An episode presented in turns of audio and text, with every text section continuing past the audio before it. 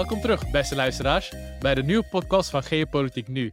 Na een tijdje even weg te zijn geweest om te genieten van onze welverdiende zomer, zijn we weer terug om het te hebben over leuke geopolitieke onderwerpen. Ja, wij hebben vakantie gehad, maar de wereld staat niet stil. De wereld neemt geen zomervakantie, die gaat gewoon door. En tijdens de afgelopen maanden is er veel gebeurd in de wereld, heel veel interessants.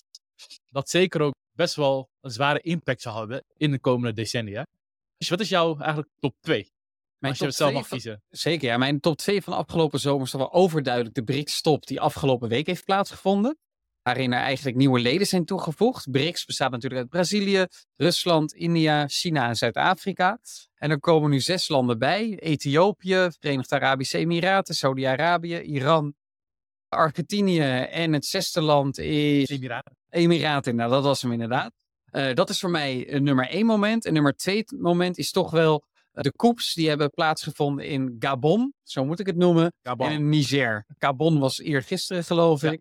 En Niger is natuurlijk alweer twee maanden geleden. En dit toont duidelijk aan dat Frankrijk wel aan invloed aan het verliezen is in het voormalige Frans-Afrika. Ja, zeker. Vooral als ik zo de bevolking zie protesteren, natuurlijk. Dat kan een beetje georchestreerd zijn, maar alsnog. Eh, Jelle, wat vind jij de top 2 belangrijkste geopolitieke ontwikkelingen? Nou ja, die ontwikkelingen zijn heel duidelijk heel belangrijk. Misschien nog een toevoeging. eh, iets wat mij echt opgevallen is deze zomer eh, vanuit Latijns-Amerikaans perspectief. Was eh, de moord op presidentskandidaat in Ecuador. Eigenlijk was dat een blijk van meer geweld, meer criminaliteit. Drugscriminaliteit specifiek. Want daar ging het zeer waarschijnlijk om in de regio. Ja, want Is ik, het een afrekening? Eh, waarschijnlijk wel. Eh, het was een kandidaat die zich heel erg uitsprak tegen drugscriminaliteit, cocaïnehandel. En hij is vermoord door Colombianen. Waarschijnlijk, maar ze weten niet in opdracht van wie. dat ze allemaal blij zijn. Al die kartels blij zijn.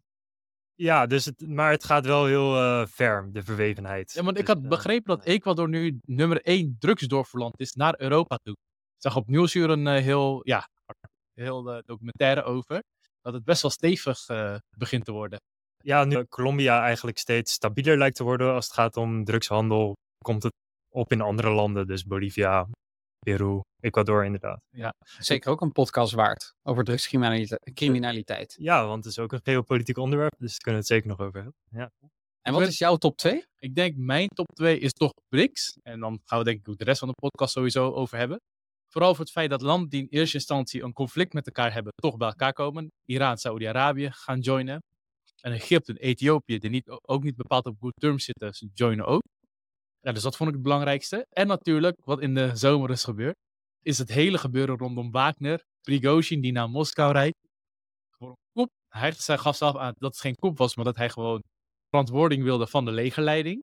Nou, Poetin dat niet blij was, tot toch een paar weken geleden dat zijn vliegtuig neerstortte. Ja, volgens mij een paar dagen terug. Een paar dagen Week terug. Ja, Ja, wegens technische fouten, technische mankementen. Ja dit klinkt heel zuiver. Dit klinkt heel zuiver. Ja, eh, maar dat, zegt toch, dat zegt toch wel iets over ja, de interne situatie in Rusland. En nogmaals de bevestiging wat we hier altijd al zeggen bij Geopolitiek nu. Is dat je landen, maar zelfs regimes, niet echt als één actor moet zien- nee, niks is een unitaire actor. En dat geldt zeker voor een land als Rusland, waar de fragmentatie eigenlijk heel groot is. En in dictatoriale regimes zie je ook heel erg vaak dat landen, leiders heel erg willen voorkomen dat ze als verdeeld gezien worden. En daarom nog harder inzetten op die eenheid. Daar waar je in democratieën juist vaker ziet dat mensen inderdaad de verscheidenheid meer omarmen. En een proces zo hebben ingericht dat je er dan alsnog samen uitkomt. En ik denk dat dit ook de zwakte toont van dat type regime. Want fragmentatie, eh, dus verdeeldheid in een land, kan niet in goede banen geleid worden. En dat is natuurlijk wel problematisch. En de oude Sovjet-achtige associaties van Rusland als echt het tweede sterkste land van de wereld. Ik denk dat we die wel definitief achter ons kunnen laten. Ik denk, ja, ben ik een deel met je eens, een deel niet. Want zelf vind ik het ook wel. Kijk, Rusland vecht in Oekraïne. eh, even los op welk kant je staat, maar tegen NAVO. Tuurlijk, het zijn Oekraïense soldaten die snevelen, maar het zijn westerse wapens. En tot nu toe, je kan zeggen wat je wilt, maar Rusland houdt het tot nu toe wel vol tegen NATO. Natuurlijk is het geen grote totale oorlog, maar ze houden toch wel twee tot bijna drie jaar vol. Waar denk ik een ander land binnen een paar weken al zou bezwijken. Tuurlijk, dat is waar. Maar je moet je ook voorstellen, NAVO is heel erg aan eh, beperkingen gebonden. Zo participeren ze niet actief en is het alleen via steunleveringen. En ten tweede, wij leveren tot nu toe tweede of derde klas uh, westerse wapens. En zelfs dat biedt al eigenlijk enorme weerstand tegen Rusland. Dus natuurlijk blijft het een sterk leger. En natuurlijk zou Rusland 90% van alle landen in de wereld verslaan. Maar dat het echt zich kan meten met Amerika of met het Westen in den brede, daar is natuurlijk totaal geen sprake van. Nog bovenop het feit dat ook in netwerk, het denk ik de Russen wel zal teleurstellen hoeveel steun ze, hoeveel steun ze krijgen. Ja, ik begrijp wat je Actieve steun van China hebben ze niet. Natuurlijk achter de schermen wellicht wel. Tot nu toe hebben ze actieve steun van Iran en Noord-Korea. Dat is niet een netwerk waarmee je werelddominantie kunt vergaren. Maar ik heb begrepen, ik denk dat jij er meer over weet, dat Brazil, of Brazilië, eh, Brazil is in het Engels, menig persoon denkt dat ze steeds meer de Russische kant beginnen op te gaan. Moet je het ook zo zien? Want hij gaf aan, ik ga hem citeren, misschien citeer ik hem niet helemaal goed, maar dat het tijd is dat de oorlog moet stoppen en dat we Rusland of Poetin niet te veel moeten vernederen. Dat we ruimte moeten gunnen om gezamenlijk wat te winnen en zo gezamenlijk uit de oorlog te komen. Hoe moeten we dat eigenlijk zien? Is het per se pro-Poetin, anti-Westers of moeten we daar vanaf, wat we al eerder aangaven? Ja, ik denk geen van beide. Ik denk dat het niet pro-Poetin is. Ik denk dat het ook niet anti-Westers is, maar dat ze juist daarmee uit willen stralen dat ze een neutrale partner zijn. Dat ze niet de Oekraïne-kant kiezen, nog de kant van Rusland. En ja, eventueel willen optreden als een derde partij die het zou kunnen oplossen. En dat vernederen, ja, het niet willen vernederen is natuurlijk iets anders dan de kant kiezen van dat land. En waarom zou Lula dat eigenlijk willen? Gezien zij vooral afhankelijk zijn, denk ik, van westerse investeringen en van Chinese. Ja, ze zijn vooral van uh, Aziatische investeringen afhankelijk. Maar misschien toch uh, de willen bewaren van wereldvrede, toch handel laten floreren. En als we het hebben over eigenlijk het isolationisme van Rusland, want daar ging een klein beetje over, dan is BRICS een van de weinige platformen waar Poetin misschien nog welkom is. Online in ieder geval. Toen de bijeenkomst was, was in Zuid-Afrika. Toen kwamen die landen erbij en er was een groot, grote discussie. Mag hij er uh, fysiek bij zijn? Hij wilde dat zelf graag. Maar uh, Zuid-Afrika, onderdeel zijnde van Interpol, dus dat internationale politie, liet hem uiteindelijk niet toe om langs te komen in uh, Zuid-Afrika. Wat denk ik ook al de positie van Poetin en Rusland duidt. Zelfs op het platform opgericht nota bene door Rusland zelf, was hij uiteindelijk fysiek niet welkom. Denk je echt dat dat vanwege angst was? Dat hij echt dacht, waarschijnlijk is de kans aanwezig dat Zuid-Afrika oppakt? Of nou, was het nou, om Zuid-Afrika niet in die positie te drukken? Exact. Ik denk dat Zuid-Afrika hier zelf ook een belangrijke rol heeft gespeeld. Want die is nog afhankelijker van westerse investeringen dan bijvoorbeeld Brazilië. En hun economie staat er echt ontzettend slecht voor. Zij zijn denk ik ook helemaal niet bezig wereldwijd met tot welk kampsymbool het pro-westerse of pro-Russische maar gewoon met pro zichzelf. Dat doen ze niet altijd op verstandige wijze, want de interne economische situatie is natuurlijk heel slecht gemanaged door het regime. Maar ik denk dat hierin je wel duidelijk terugziet dat Zuid-Afrika niet zozeer kiest tegen het Westen of pro-Rusland, maar eerder probeert te laveren tussen beide belangen. En dat brengen we dan ook eigenlijk op het punt van kritiek op onder meer Rob de Wijk, die afgelopen week eigenlijk heeft gezegd ja, die heeft gezegd dat Europa en Amerika zich heel veel zorgen moeten maken over de anti-westerse krachten die gemobiliseerd worden op de BRICS Plus top. En ten dele is dat misschien terecht als het gaat om Rusland en China. Maar als we even breder kijken naar alle BRICS Plus landen die ik eerder al genoemd heb, dan is daar geen sprake van. En zie je eigenlijk wereldwijd drie kampen terug. Het unipolaire kamp, nou daar behoort Amerika toe, plus bondgenoten, waaronder ook Nederland en Europa. Dan heb je het bipolaire kamp, dat zou je anti-westers kunnen noemen. Denk aan Rusland, denk aan China, wellicht ook Noord-Korea. En dan heb je verder een multipolair wereldkamp. En dat multipolaire kamp, dat bestaat uit landen als India, Brazilië, ook Saudi-Arabië, Emiraten, Egypte. En zo nog een heel tal van landen. Misschien zou Frankrijk ook wel liever opteren voor een multipolaire ja, Hij zei zelf op de wijk. Ja, wacht even. Ja, ga ik zo uh, uh, die vraag wellicht ook beantwoorden. Maar, en dan moet je uiteindelijk wel tot die conclusie komen dat er niet een strijd is tussen alleen maar unipolaire en bipolaire, uh, zoals Rob de Wijk vaak betoogt, maar dat er ook gewoon landen zijn die voor zichzelf staan, voor een multipolaire wereldorde. En dat wij als onderdeel zijnde van de unipolaire wereldorde eigenlijk allianties moeten zoeken, strategische allianties met bepaalde landen binnen die multipolaire wereldorde. Dus heel concreet, het Westen moet hechte allianties opzoeken met een India, met een Brazilië, die helemaal niet vanwege anti-westerse sentimenten onderdeel zijn van de BRICS. Daarom maak ik me ook helemaal niet zoveel zorgen om BRICS plus aspiraties die helemaal niet zo anti-westers zijn als Rob de Wijk ze wil doen laten lijken. En hij moet die koude oorlogsbril eindelijk afzetten, want dat brengt ons niet tot een betere wereld. Ja, want hij zet steeds anti-westers en anti-Amerikaans. Terwijl ik dacht, Egypte kreeg laatst nog, of afgelopen jaar hebben ze 1,3 miljard aan militaire steun ieder gehad, jaar. Elk jaar. In Emiraten heb je één of twee grote Amerikaanse zeehavens, militaire zeehavens. Saudi-Arabië heeft talloze die militaire bases bijna bezet, dat kan je zeggen. India die hield alle anti-Amerikaanse statements, houdt die tegen. En dan hebben we Argentinië dat een presidentskandidaat heeft overweegt om de gehele Argentijnse economie eh, te dollariseren. Dan hier kun je dus absoluut niet spreken van gemobiliseerde anti-westerse sentimenten. Dit is weer het eendimensionale denken zoals we vaker zien in, eh, bij geopolitieke analyses. Daar moeten we vanaf. Maar als ik dan zie, vaak zie je dan bij de BRICS Plus eh, uitbreiding, wilde India of China wilde heel veel landen tegelijk aan toevoegen. India koos meer voor, zoals ze dat zeiden, organische groei. Dus ze willen niet in één keer groeien, vooral omdat ze bang waren dat het geen pro-China-kamp wordt. En zo zie je dat meerdere landen eigenlijk met kandidaten kwamen. En wat me opviel is dat Brazilië, eigenlijk, er wordt gezegd dat Brazilië Argentinië erbij heeft gehaald. Waarom zou Brazilië dat eigenlijk willen? Zou je denken. Brazilië is natuurlijk een, een buurland van Argentinië, een hele belangrijke handelspartner. In dat opzicht is het logisch, maar ze behoren al tot de Mercosur. Dus ze hebben al die vrijhandel onderling. Dus dat zal niet zozeer de reden zijn. Maar ze vallen in dezelfde soort invloedssfeer. Ze hebben een vergelijkbaar regime op dit moment, denk ik, die het goed met elkaar kunnen vinden. Dus ze zoeken al heel erg dat bondgenootschap. Argentinië is het, oppervlakte in ieder geval, het grootste Spaanstalige land. Dus ze willen, denk ik, langzaam ja, Latijns-Amerikaanse stempel wat hè, sterk laten drukken op eh, de wereldpolitiek. Is Brazilië en Argentinië, zo zijn deze landen eigenlijk de Frankrijk en Duitsland. Zoals die landen van continentaal Europa zijn, kan je Brazilië en Argentinië ook dat echt van het Zuid-Amerikaans ja, continent zien.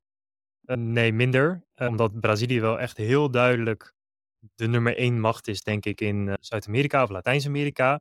En als ik dan een tweede zou moeten noemen, zou ik misschien eerder nog Mexico noemen, qua economie. Alhoewel dat wel een beetje een uithoek is en vaak bij Noord-Amerika gerekend wordt. Argentinië is een belangrijk land, maar het, is niet, het komt niet in de buurt, economisch, niet in de buurt van belang van Brazilië.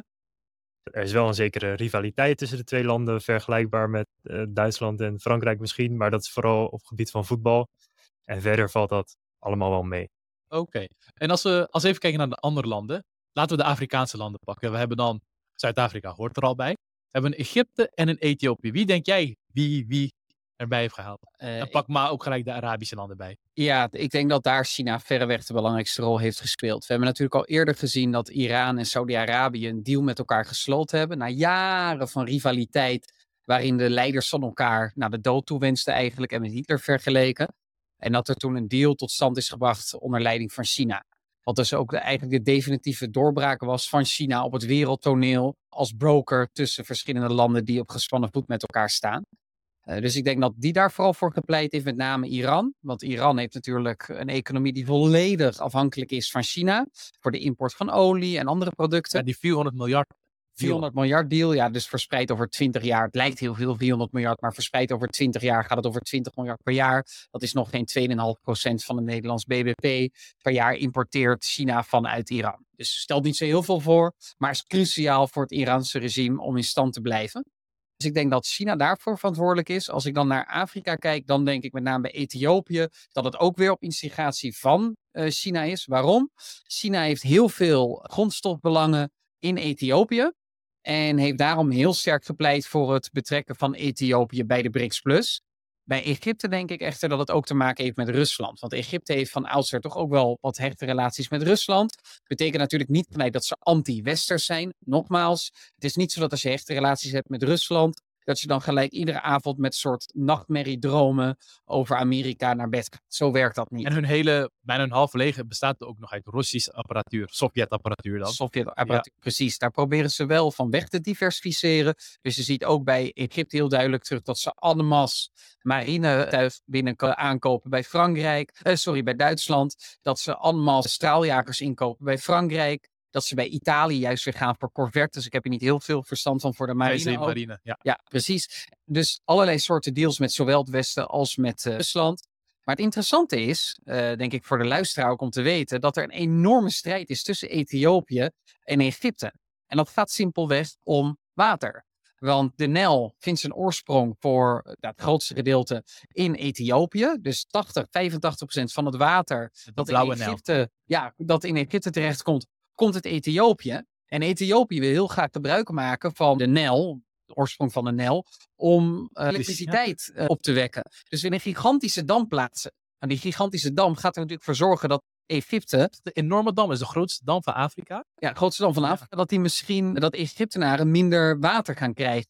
Daar zit Egypte natuurlijk niet op te wachten met de geboorte-explosie die Egypte al heeft. Al 100 160. Ja, 100 160. Ja, het is niet normaal. Dat moet Egypte. Miljoen, hè? Voor de mensen. Miljoen. Ja, daar moet Egypte echt wat aan doen. Dat is te veel. Dat kan het land op dit moment ook gewoon niet aan. En dan helemaal niet als het minder water krijgt. Aan de andere kant, een land met een nog grotere geboorte-explosie en bevolkingsexplosie is Ethiopië. Ja, ja, ze gaan naar de 200. Ja. En, maar ik had gelezen over, ook over Egypte. Het is heel leuk om te zien is dat ze een plan hebben. Want zij zien ook aankomen en ze weten dat ze dat dam niet tegen kunnen houden. Het heet de Grand, Grand Ethiopian Renaissance Dam. Bijna rond de 11 miljard dollar. is veel voor een land als uh, Ethiopië. Nou, dat kunnen ze niet tegenhouden. Ze hebben gedreigd dat ze het gaan bombarderen, maar dat gaan ze niet doen. Want dan heb je helemaal een poppen aan het dansen. Is dat ze ook nu bezig zijn in Egypte met wateringsprojecten. Om hun landbouwareaal willen ze eigenlijk bijna verdubbelen. En het zijn best wel realistische plannen die ze aan het maken zijn.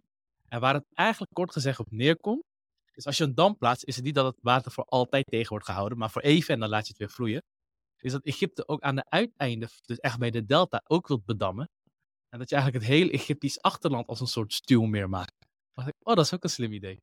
Zeker. En ik denk wat Egypte ook moet doen, is niet te veel inzetten op uh, gewassen die veel water vergen voor de groei. En dat hebben ze in het uh, Midden-Oosten ook en in Noord-Afrika en in, uh, ja, ten zuiden van de, van de Sahara en in de Sahel te weinig op gefocust. Neem nou vooral gewassen die niet te veel water vergen. Importeer gewassen die heel veel water vergen. Dat is wel cruciaal. Ja. als we daar even verder kijken, dus we zien de BRICS-landen breiden zich uit. Er wordt ook veel gezegd, mijn hele YouTube-kanaal staat er vol mee, dat Amerikaanse macht afneemt. Of America is declining, of een uh, empire in decline. Er wordt nu al vergelijkingen gemaakt met Rome. Uh, hoe zie je dat eigenlijk, Jelle? Is, het, is Amerika een rijk dat in verval is? Ik denk niet zozeer dat Amerika in verval is, eerlijk gezegd. Ik denk meer dat andere landen opkomend zijn. En dan natuurlijk concurrenten worden van Amerika. Maar dat hoeft niet per se te betekenen dat Amerika in absolute zin in economische macht of militaire macht verliest. Want dat lijkt niet echt het geval te zijn. Sterker nog, het lijkt redelijk stabiel. Zeg vaak politiek intern zie je al, het is, niet, het is anders dan eerst. Ja, meer eenheid, meer polarisatie. Ja, er is meer polarisatie, politiek gezien. Dat is wel een trend die in meer landen trouwens plaatsvindt. Ook wel opkomende economieën, net zo goed. Dus dat is meer een intern probleem. Uh, maar interne problemen zijn ook van alle tijd. Dus ik, ja, in het grotere plaatje zie ik niet zozeer dat Amerika of de Verenigde Staten echt in macht aan het verliezen is. Maar het is juist wel interessant om te zien hoe, hè, je kan het de Global South noemen of de BRICS of hoe dan ook, opkomende economieën, hoe die wel uh, meer toenadering zoeken. Uh, maar ook dat lijkt nog niet echt blokvorming te zijn. Dus het lijkt nog niet echt een tegenpol te vormen naar de Verenigde Staten of naar de westerse wereld, als je dat als eenheid zou willen zien. Dus in die zin is er denk ik ook niet sprake van een nieuwe koude oorlog. Okay, maar ziet waarschijnlijk ook op bijvoorbeeld Amerika, Latijns-Amerika nog steeds als zijn achtertuin, zoals dat echt tijdens de Koude Oorlog was? Of is het ook daar dat je zegt van nee, daar wordt ruimte meer gegeven aan ja, eigen soevereine buitenlands beleid? Daar wordt op dit moment in ieder geval heel veel ruimte gegeven aan soeverein beleid. Dat heeft misschien ook wel te maken met hè, het gebrek aan Koude Oorlog op dit moment. Dus je wilt landen onder je invloedssfeer houden als die dreiging er is dat een andere mogelijkheid, hè, de Sovjet-Unie, anders in die invloedssfeer van die landen komt. Dat is, daar is nu geen sprake van. Uh, maar uiteindelijk zou je wel kunnen kijken, nou ja, als uh, opkomende economieën zich meer gaan verenigen en dat wordt wel, hè, dat begint wel op blokvorming te lijken, moet je dan weer gaan denken aan het opnieuw inpalmen van die landen binnen jouw invloedssfeer. Op dit moment is daar nog geen sprake van. Het zijn over het algemeen stabiele democratische landen in Latijns-Amerika. Stabiel in zekere zin, maar in ieder geval democratisch. En dat gaat ze belopen. Het zijn open economieën waar handel mee is. dus er is geen reden tot ingrijpen, denk ik. Als een tiener, het is aan het opgroeien, geven we de ruimte om zichzelf te ontdekken, de nieuwe democratie. Het zijn jonge democratieën, inderdaad. Dus dat, dat komt met problemen, maar die zijn wel op te lossen. En jij, Michel? Ja, ik zelf, ja, de trouwe luisteraar zal het weten dat ik geloof niet heel sterk dat Amerika een verval is. Ik vind die interne focus, daar kom ik straks nog even op terug, wel interessant. Want daar zit nog wel een aanknopingspunt waarvan ik zeg, ja, misschien is Amerika wel in verval, maar dan op een andere manier. Als ik kijk naar de grote geopolitieke concurrenten wereldwijd, dan zie ik eigenlijk geen land dat ook maar enigszins in de buurt komt om de Verenigde Staten te evenaren. En daarvoor uh, verwijs ik de luisteraar graag naar een podcast die wij hebben opgenomen toen we China en Amerika met elkaar hebben vergeleken. Waarin wij eigenlijk langs een economische, culturele, militaire, monetaire as de vergelijking hebben gemaakt en echt tot de conclusie kwamen, Amerika spant nog steeds de kroon. En het is ook niet het begin van het einde. Nee, sterker nog, er wordt heel vaak gezegd dat Amerika relatief in verval is. Dus dat het relatief een minder groot aandeel van de wereld in bezit heeft of aan producten maakt. De Amerikaanse economie is al vrij stabiel decennia lang rond de 25 à 30 procent van de wereldeconomie. De enige economie die in het Westen eigenlijk slecht doen, dat zijn de onze. Dat zijn de Europese economieën. En Japan is gestagneerd. Zou je Amerika sec vergelijken met allemaal andere landen, dan blijft het Amerikaanse aandeel gelijk. Wat dus ook wel duidelijk maakt dat zij ook het verval van het Westen eigenlijk heel erg compenseren intern door de groei die wij eigenlijk ontberen, compenseren met extra groei. En dat is heel erg interessant om je dat eens op je door te laten ringen. Zelfs relatief neemt het Amerikaanse aandeel in de wereldeconomie maar mondjesmaat af. Dat is echt heel erg beperkt. Heeft natuurlijk allerlei redenen vanwege de monetaire sterkte, eh, migratie die op af en toe wel verstandige wijze gemanaged wordt, de open economie. En natuurlijk alle grote bedrijven van heden ten dagen zitten in de VS. Denk aan Amazon, denk aan Meta en ga zo maar door. Dus nee, ik zie niet zozeer in dat Amerika een verval is. Wat ik wel zie, is zeker vanuit energietransitieperspectief en uh, gewoon energie, gas, fossiele energieperspectief, dat Amerika gewoon minder kernbelangen te behartigen heeft elders in de wereld. En hebben die de schaliegasrevolutie. Vanwege de schaliegasrevolutie hebben we ook uitgevoerd behandeld. energie waarschijnlijk. Ja, natuurlijk ook hebben zij nou, niet heel veel, maar wat duurzame energie. Dan heb je dat gewoon minder nodig. Dus dan heb je minder grote presentie in Saudi-Arabië nodig, of in Iran, uh, of in de Verenigde Arabische Emiraten. Dus dan hoef je daar minder om te bekommeren. Dat betekent niet dat zij in één keer zwakker geworden zijn. Nee, het maakt ze gewoon minder uit. En je moet onderscheid maken tussen verzwakking en onverschilligheid vanwege uh, elders hebbende. Ik denk dat je het best kan zien in toen uh, Mohammed bin Salman, de kroonprins van Saudi-Arabië, ging zijn olieproductie verder verlagen. Terwijl Biden wilde graag dat hij het verder moest verhogen. Nou, tegen de wensen van beide in. Met een nog een soort van, dat kan je misschien wel een beetje een licht anti-Amerikaanse speech erbij.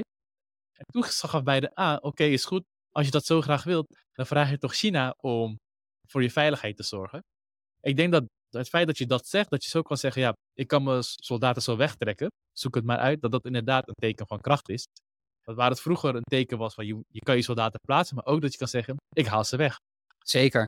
En helemaal eens. Ik denk ook dat dat eh, heel duidelijk maakt dat heel veel landen nog steeds volstrekt afhankelijk zijn van de veiligheidsparaplu van de Verenigde Staten. Nu is het natuurlijk wel zo dat de economische relaties met China van allerlei landen in de wereld steeds belangrijker worden. En daar kan China uiteindelijk ook wel gebruik van maken. Wat ik nog interessante vind, is de vraag die je net ook aan Jelle stelde. Is Amerika intern niet enorm aan het verzwakken en aan het polariseren? En daar moet ik eigenlijk wel een beetje op terugkomen ten opzichte van de eerste podcast uh, tussen Amerika en uh, over Amerika en, uh, en China die we hebben opgenomen. En dat idee heb ik wel. En dan zou ik de luisteraar toch wel het boek van Ray Dalio willen aanraden, waarin hij eigenlijk de hele geschiedenis bestudeert, hoe rijken opkomen en ook weer in verval geraken. En van het oude Romeinse Rijk tot en met het talloze Chinese Rijk, en ga zo maar door. En een van de belangrijkste pijlers is onderwijs. En nou ja, ik ben nog nooit in de Verenigde Staten geweest, maar mijn associatie met het Amerikaanse onderwijssysteem, en ook wel gebaseerd op OECD-lijstjes en andere onderzoeken, is heel slecht.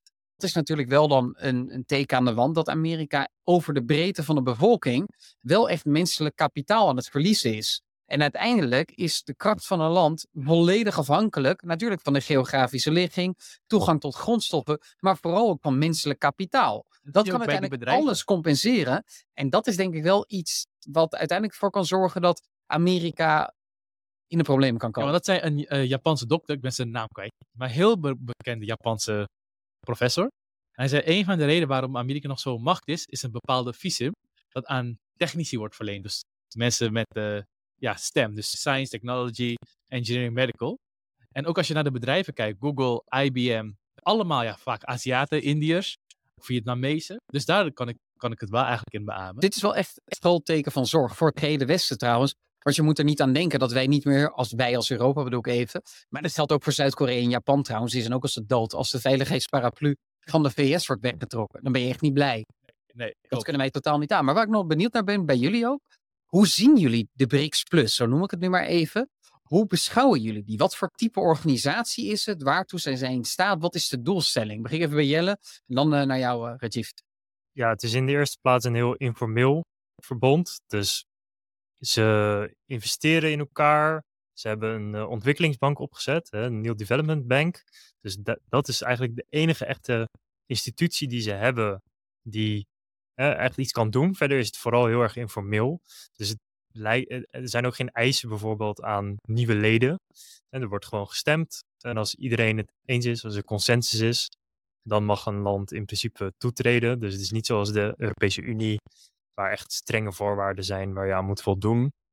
Het is vooral een informele samenhang van landen die mogelijk in de toekomst wat formeler gaan worden.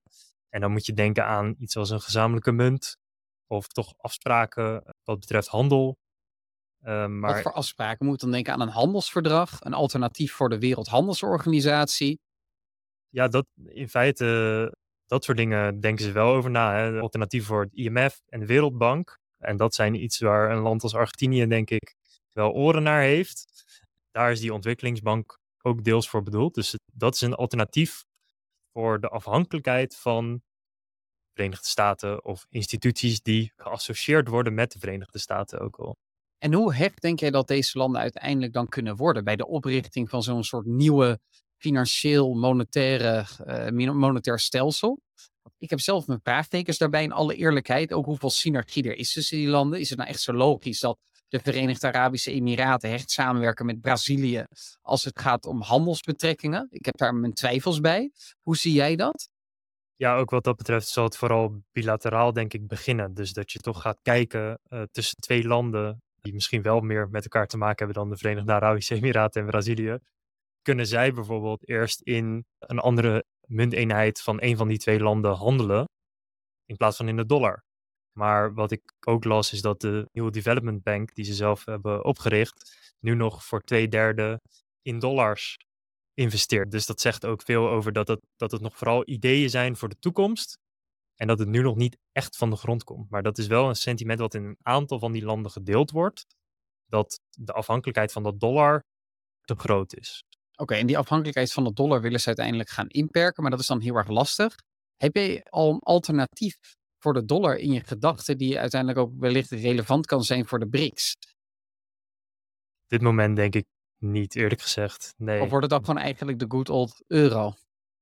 De euro, nee. ja, ja, want dat is tot nu toe de tweede wereldmunt. Ik wilde de euro als betaling hebben. Ja, Saddam Hussein, eh, nou, die is niet voor niets afgezet. Waarschijnlijk niet om die reden, er speelden andere zaken een rol. Maar ja, Zou dan misschien eerder de renminbi worden van, eh, van, van China? Ja, en hier heb ik dus mijn vraagtekens bij van dat zou kunnen natuurlijk. Ik denk ook dat China dat fantastisch zou vinden. Zeker nu de Chinese economie heel duidelijk in het slop aan het geraken is. Maar ik denk dat je als Brazilië of als Rusland of als Saudi-Arabië totaal niet op de renminbi zit te wachten. Ik denk, dat het, ik denk dat het idee was niet per se om een, land, een munt van een land te kiezen, maar om een gezamenlijk BRICS- BRICS-munt te creëren. Net zoals je ook een Nou, IMF-munt hebt. genoemd. Oké, Beide Ja, zijn maar in ieder dat je een soort IMF-munt hebt en dat het puur wordt gebruikt voor eh, onderling handel. Dus dat je dat BRICS-munt gebruikt als je uit een ander land importeert, maar dat in je eigen land wel gewoon je eigen nationale munt behoudt. Ik denk dat dat wel ha- haalbaar is op termijn. Ja, hoe ik de BRICS zelf zie, ik zie het zelf als eigenlijk de Benelux, België, Nederland, Luxemburg, als een soort club waarbij je bij elkaar komt, waar je al een soort van strategie gaat bepalen voordat je echt de grote arena instapt. In dit geval voor Nederland de Europese Unie. Ja, zo, de, de grootste arena wereldwijd is de Verenigde Naties. En ik denk dat deze landen bij elkaar komen om te kijken van, oké, we hebben überhaupt meer ruimte om onze eigen buitenlands beleid te bepalen. Mede omdat Amerika ook die ruimte geeft, geef ik ook eerlijk toe. En dat je dan gaat nagaan van, oké, hoe zullen we hier invulling aan geven? Maar vaak tijdens de Koude Oorlog kan je echt een goede documentaire aanbevelen, Apocalypse op Disney+. Plus. Dan zie je wel heel sterk dat buitenlands beleid werd wel echt, ik denk 90% door Amerika bepaald.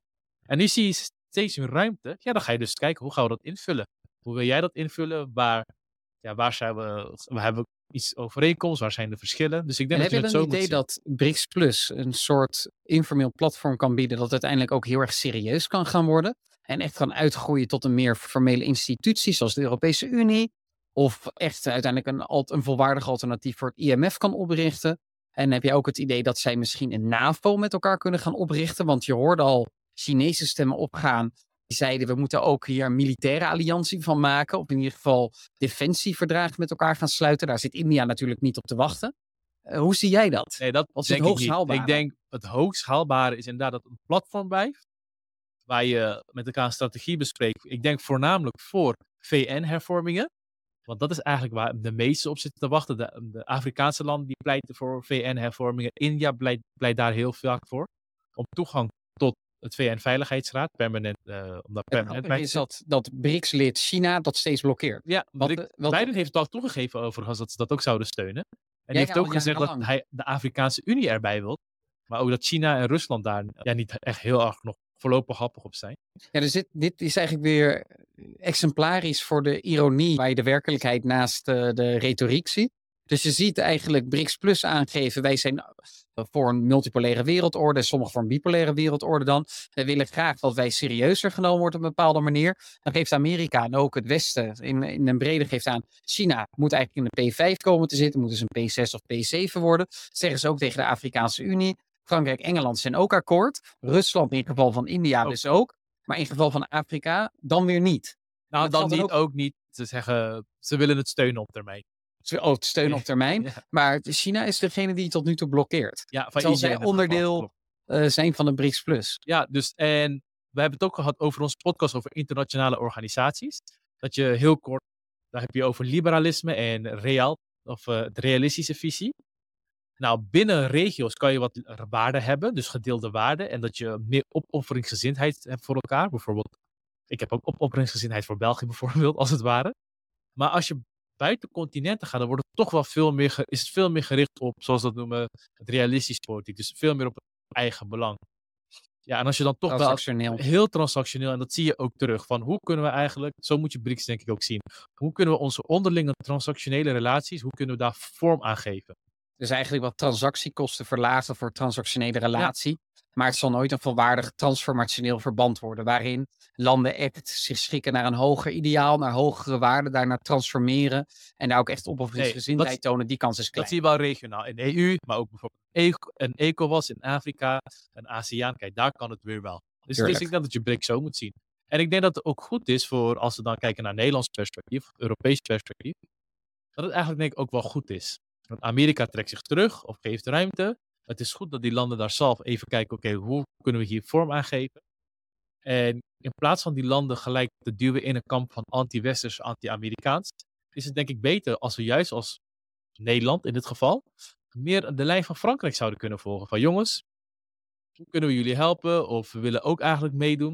Ik zou zelf ook voorstander van zijn na verloop van tijd. Ik begrijp dat Rusland lid is. Maar als het hele Oekraïne-verhaal een beetje achterwege is, dat Nederland misschien ook lid kan worden. En ook zelfs kan toevoegen.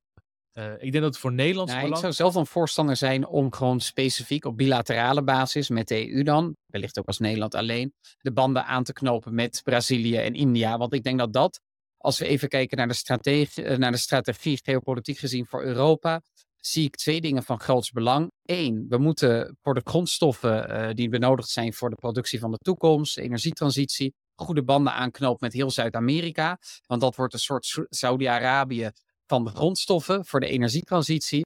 En we moeten heel goede banden aanknopen met India specifiek. En ik denk dat deze twee, ja, ik weet niet hoe ik ze moet noemen, subcontinent of continent en dan een subcontinent met India, dat we daar uitstekende bilaterale relaties mee aan zouden kunnen gaan. Want zij hebben ons ook nodig. Ook India zit te wachten op westerse investeringen. Die heeft ook een interne markt nodig om producten aan te geven, aan te verkopen. Technologische investeringen, uh, overdracht van informatie. Dus zij hebben elkaar gewoon nodig in de wereldorde van de toekomst. Daar zou ik veel meer in zien zitten. En daarvoor helpt de retoriek van onder meer Rob de Wijk op de zienswijze. Uh, je bent bij BRICS dus anti-westers, dat helpt totaal niet. En jij, Jelle? Denk er ook uh, het over? Of anders? Dat mag ook. Ik denk er ook zo over. En uh, met bijvoorbeeld Brazilië zie je dat ze daar al mee bezig zijn hè, met een handelsdeal tussen de EU en de Mercosur. En dan hoef je inderdaad een land als Rusland niet te betrekken in zo'n deal. Dus daar, ja, dat is veel makkelijker. Dat is, dat duurt al twee decennia en is nog steeds niet van de grond. Dus dat is al moeilijk genoeg, kennelijk. Maar dat is een stuk makkelijker dan de BRICS nu als een geheel zien. En als het vergelijkt met andere organisaties, dan moet je totaal niet denken aan een Verenigde Naties of een NAVO. Eerder misschien nog aan een G20, wat ook een heel los verband is. En dus als je het ergens mee wil vergelijken, dan moet je het meer als zo'n soort organisatie zien, denk ik. En die kunnen dan ad hoc spontaan opkomende beslissingen maken als belangen gelijk zijn. Maar zijn belangen niet gelijk, dan wordt het lastig. Ik heb nog even een vraagje ook over Mercosur en EU en het handelsverdrag. Dat is nog even een heel directe vraag. Hoe grote blamage is het voor de EU dat het handelsverdrag er nog niet ligt? Maar je ja. vooral Brazil dwarslag, toch? Komt van twee kanten, uiteraard. Dus het is een, uh, een kwestie van geven en nemen. En de EU heeft vooral hoge eisen vanuit Braziliaans perspectief, vanuit Mercosur perspectief moet ik zeggen. Het milieu, nou ja, als je het daarmee eens bent, hè, dan is het geen blamage. Maar dan is het goed dat ze die eisen stellen. Als je uh, dat anders ziet, dan, is dan zou je het een blamage kunnen noemen. Nu ligt een voorstel, min of meer van de EU, uh, bij Mercosur. En zij gaan daar weer een reactie op uh, geven binnenkort. En dan is het afwachten. Maar het is nu. Ja, politiek wel cruciaal dat het er komt, toch? Ja, alleen er zijn bepaalde uh, fracties binnen de EU, met name, dus dan moet je bijvoorbeeld denken aan de Franse boerenlobby. Die hebben wel echt moeite met een dergelijk verdrag. En ja, dan kom je toch weer uit bij dat dat soort lobby's best wel sterk zijn als het gaat om dit soort uh, hele grote verdragen eigenlijk. Omdat de landbouw bijvoorbeeld in Mercosur heel sterk is, zijn ze bang voor oneerlijke concurrentie of in ieder geval concurrentie waar ze niet van kunnen winnen. Nou ja, dan zie je dat bepaalde belangen uh, in gevaar komen. En dat maakt zo'n verdrag ontzettend lastig en ingewikkeld om. Uh, ik denk dat het steeds ingewikkelder gaat worden. Ook vooral ook in, door heel Europa. Te zeggen dat stikstof is een Nederlands probleem, is het niet. In, Europa, in heel Europa zie je dat. En de milieuproblemen zullen toenemen. We gaan grote offers daarvoor moeten brengen. Ik denk dat de, de uh, onderhandeling nog moeilijker zou moeten maken. Moeten maken, sorry, dat ik een beetje stotter. Want je ziet, uiteindelijk is er geen reden om wat meer natuurdynamischer te gaan werken, wat meer biologisch, hoeft niet per se 100%. Ja, de vraag is of Zuid-Amerikaanse boeren dat gaan doen. En jouw idee is dat als wij in Europa vanwege allerlei milieuvereisten daartoe gedwongen zijn, dan kunnen wij niet een handelsverdrag gaan dat wij niet blootstellen, een handelsverdrag maken met landen die niet blootgesteld zijn aan dezelfde eisen. Uh, ja, dat kan, dat kan niet anders. Of je moet uh, ja, producenten, vooral boeren hier, produce, uh, cons, of noem je dat? Subsidiëren. subsidiëren op andere manier. Dat naast voedsel moeten zijn ze ook landschap, natuurbeheerders. Nou, subsidiëren ze daarvoor. Maar anders kom je er denk ik niet uit. Vooral ook in de toekomst niet. En dat zie je ook dat in Nederland dan. Uh, dat ook een van de grote pijnpunten is onder boeren. Van ja, wij moeten concurreren. We krijgen nieuwe eisen, nu weer een nieuw pakket van maatregelen. Tegelijkertijd wil je de markt openstellen voor Braziliaanse boeren, waar dat helemaal niet geldt. Ik denk dat het dit, dit de onderhandeling alsmaar steeds moeilijker en moeilijker zal maken. Wie was ja, laatst? Oh ja? Oh, ja, was de, voor de laatste vijf minuten. Uh, ja, wilde jij misschien uh, het ook al aandragen. We hebben het over de Franse lobby gehad. Moeten we het niet nog hebben over de teloorgang van de ja, Franse invloed in het Sahel? We zeiden dat Frank-Amerikaans macht niet echt aan het neergaan is. Maar kunnen we hetzelfde zeggen over Frankrijk? Is dat misschien wel een Rome? dat, dat aan het neergang is in Afrika. We hebben, Als we de rellen in de zomer hebben gezien of vlak voor de zomer? Ja, we hebben intern de rellen. Uh, wij hebben staatsgrepen dat Franse Soedan laat ik even, dat is een Engels kolonie. Maar dan heb je Chad, Niger, uh, Brittannië, Gabon, uh, Mali. Burkina Faso, Mali. Ja, vliegt bijna klaar in Afrika. Nou, daar zie je wel heel sterk dat het sentiment wel anti-Frans is. Uh, anticolonialisme zou je het ook kunnen noemen. Uh, dat is misschien wel iets wat een beetje door de BRICS ook heen zijpelt trouwens. Maar ja, dat daar heel sterke sentimenten zijn tegen de invloedssfeer van Frankrijk. En jullie hebben een hele podcast gemaakt over de Sahelregio. En daar is die afhankelijke relatie heel sterk naar voren gekomen ook. Ja, daar is heel duidelijk verzet tegen. In, Zelfs uh, buiten de Sahel ook. In Gabon. Is Ja, buiten de Sahel. Centraal-Zuidelijk Afrika nu. ook. En vooral het erg is, eh, vanuit Frans perspectief, was het dat het nu twee landen zijn die heel hecht waren met Frankrijk. Gabon en Niger stonden echt heel dicht bij Frankrijk en vormden ook echt de pilaren onder nieuw Sahelbeleid of nieuw Frans-Afrique-beleid. eh, waren dit echt twee van de belangrijkste pilaren. En die vallen in zelfs. één keer en die vallen nu in één keer weg. Ik denk dat dat veel zegt over dat Frankrijk zijn beleid moet herijken. En laten we eerlijk zijn, Frankrijk is al langere tijd zijn beleid in de Sahel aan het herijken. Het Frankrijk van nu is totaal anders dan het Frankrijk van in de jaren Macron en 60. Sarkozy zeggen anders. Ja, dat ook, maar ook in de jaren 60, 70, 80, dat is totaal anders. Maar het is natuurlijk nog steeds een heel sterk afhankelijkheidsrelatie. Ook als het gaat om de munt, eh, waarin eh, veel Frans-Afrika landen in moeten betalen, is gekoppeld aan, eh aan CAF. Zoek maar even op internet, CAF. Ze moeten nog steeds toestemming vragen aan de Franse Centrale Bank. Ze moeten obligaties inkopen eh, van Frankrijk. Dus het is natuurlijk nog steeds dat Frankrijk heel sterk eh, daar zijn Maar afdruk ik heeft. denk dat het wel zal veranderen hoor. Want je merkt inderdaad onder de bevolking, en dat zeggen vaker, een cultuur of een onderstroom. Kan je lang onderdrukken, maar als het groot genoeg wordt, wordt het sowieso een bovenstroom. En Waker speelt er natuurlijk een belangrijke rol in om die onderstroom van anti-Franse sentimenten, die begrijpelijk zijn hoor, en anti-kolonialisme, boven te laten komen. Alleen laten we wel heel eerlijk zijn, Wagner-steun eh, of Russisch beleid in de Sahel gaat de situatie daar niet verbeteren. Dat hebben we de afgelopen jaren ook gezien in Mauritanië en Mali. Die gingen helemaal prat op hun, op hun eh, onafhankelijkheidsbeweging weg van Frankrijk.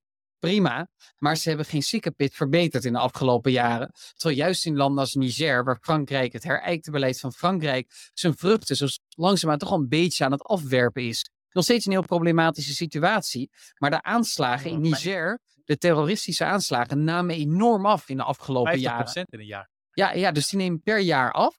Eh, en dat zal nu weer enorm gaan toenemen. Ook omdat de minderheid die zorgt voor de meeste aanslagen, eh, de president mocht leveren, de Tuareg. Dat was Mohamed Bazoum. Dat was iemand, een lid van de Tuareg-beweging. Die is nu eigenlijk afgezet. En die zorgde er eigenlijk ook voor dat het wat rustiger werd in het noorden van Niger. Nou, dat zal natuurlijk nu minder worden nu hij is afgezet. Er zijn al aanslagen aangekondigd. En ook die koeplegers tezamen in de regio van Burkina Faso, Mauritanië, Mali en Niger. Ja, dat gaat niet fantastisch Dus, uitpakken. eh, de nieuwe koeplegers zijn voor het steunen en bewapenen van burgermilities.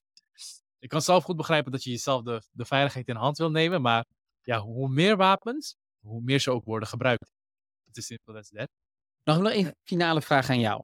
Op een schaal van 1 tot 10. Hoeveel spijt zal Frankrijk hebben van het afzetten van Gaddafi?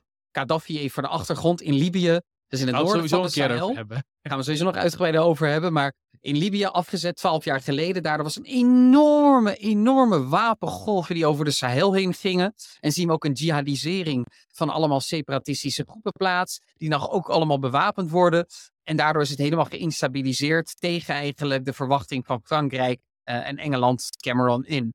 Hoe zie jij dat? Hoe Ja. groot is die spijt? Of zou die moeten Nou, zijn? ik denk, dat spijt, ook laat ik niet Frankrijk zijn unitair actor zien, maar ik denk, ik denk dat Sarkozy misschien eens daar het nadenkvermogen had. En Cameron ook. Ik heb echt geen hoog beeld van Cameron. Compleet niet, denk ik. ik ja, dus ik, ik denk dat de, de bevolking, of zeg maar het ambtenarenapparaat of het leger wel een enorme spijt heeft. Je ziet, wat je ook van Gaddafi ook mag vinden, hij had van Libië het rijkste land in Afrika gemaakt.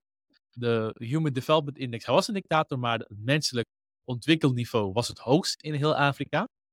En er was gewoon stabiliteit in Noord-Afrika en de Sahel. En je ziet op het moment dat Gaddafi wegvalt, de hele Sahel, één, ja, het is gewoon een hel. In Libië zijn er gewoon open slavenmarkten die je gewoon vanuit satellietbeelden kan zien. En ik denk dat ook, laten we dan, als we dan het Westen, nee, laten we het even Westen vrij laten, maar dat we ook als Nederland, ik denk dat het belangrijkste is voor luisteraar, is goed dat we niet in zee zijn gegaan met Frankrijk en Engeland in dit soort allerlei avonturen. Maar dat dit ook maar nog eens een bewijs is dat we dat ook in de toekomst niet moeten doen. Dus laten we gewoon niet in zee gaan met dit soort wilde avonturen die alleen maar negatieve effecten hebben. Sterker nog, laten we als Nederlands onze stem gebruiken om dit soort ja, rare avonturen tegen te houden. Precies. Dus Ja. gaan we, laten we ook niet militair gaan interveneren in Mali, Niger. Dat is nu niet het juiste. Alleen misschien als ECOWAS echt om steun vraagt. ECOWAS, de West-Afrikaanse Unie, zo noem ik het maar even. Van, uh, onder leiding eigenlijk van Nigeria. Stel je voor, zij vragen echt om actieve steun, militair of op een andere manier. Dan kan ik me voorstellen dat je als Frankrijk, VS en Nederland zegt, we verlenen steun. Maar zij hebben echt duidelijk de leiding. Wij moeten dat is altijd Oekraïne. voor een lobby. Ja. Zij hebben daar de leiding, wij steunen.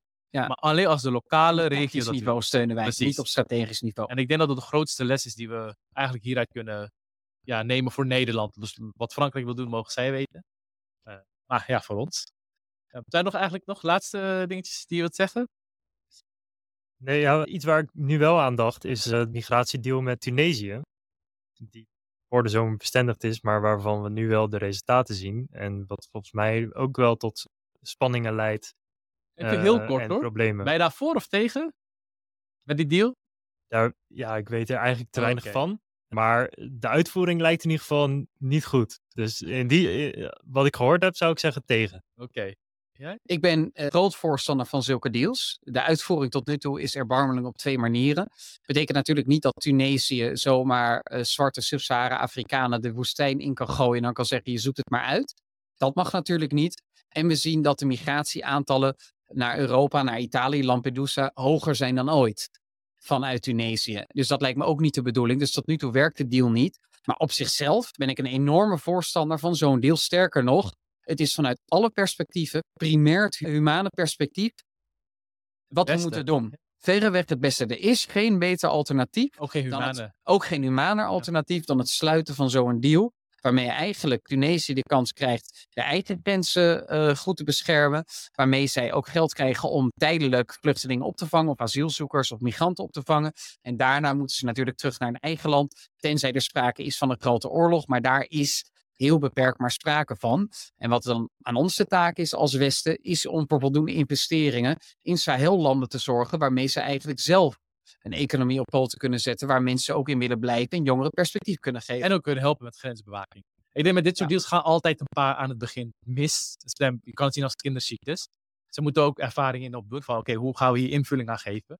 Maar ik denk ook na verloop van tijd zullen ze hier denk ik wel beter en beter in worden. Eh, ja, nou kijkers, dat was het dan voor eh, dit keer. We hebben een hele leuke podcast gehad over wat eigenlijk afgelopen zomer is gebeurd. Eh, vooral BRICS, de BRICS-uitbreiding stond hoog op de agenda. Ook het hele Rusland gebeuren. Hoe moeten we Rusland nu eigenlijk zien? Is het nog wel een grote macht? Is Amerika nog wel een grote macht? En Frankrijk in Afrika?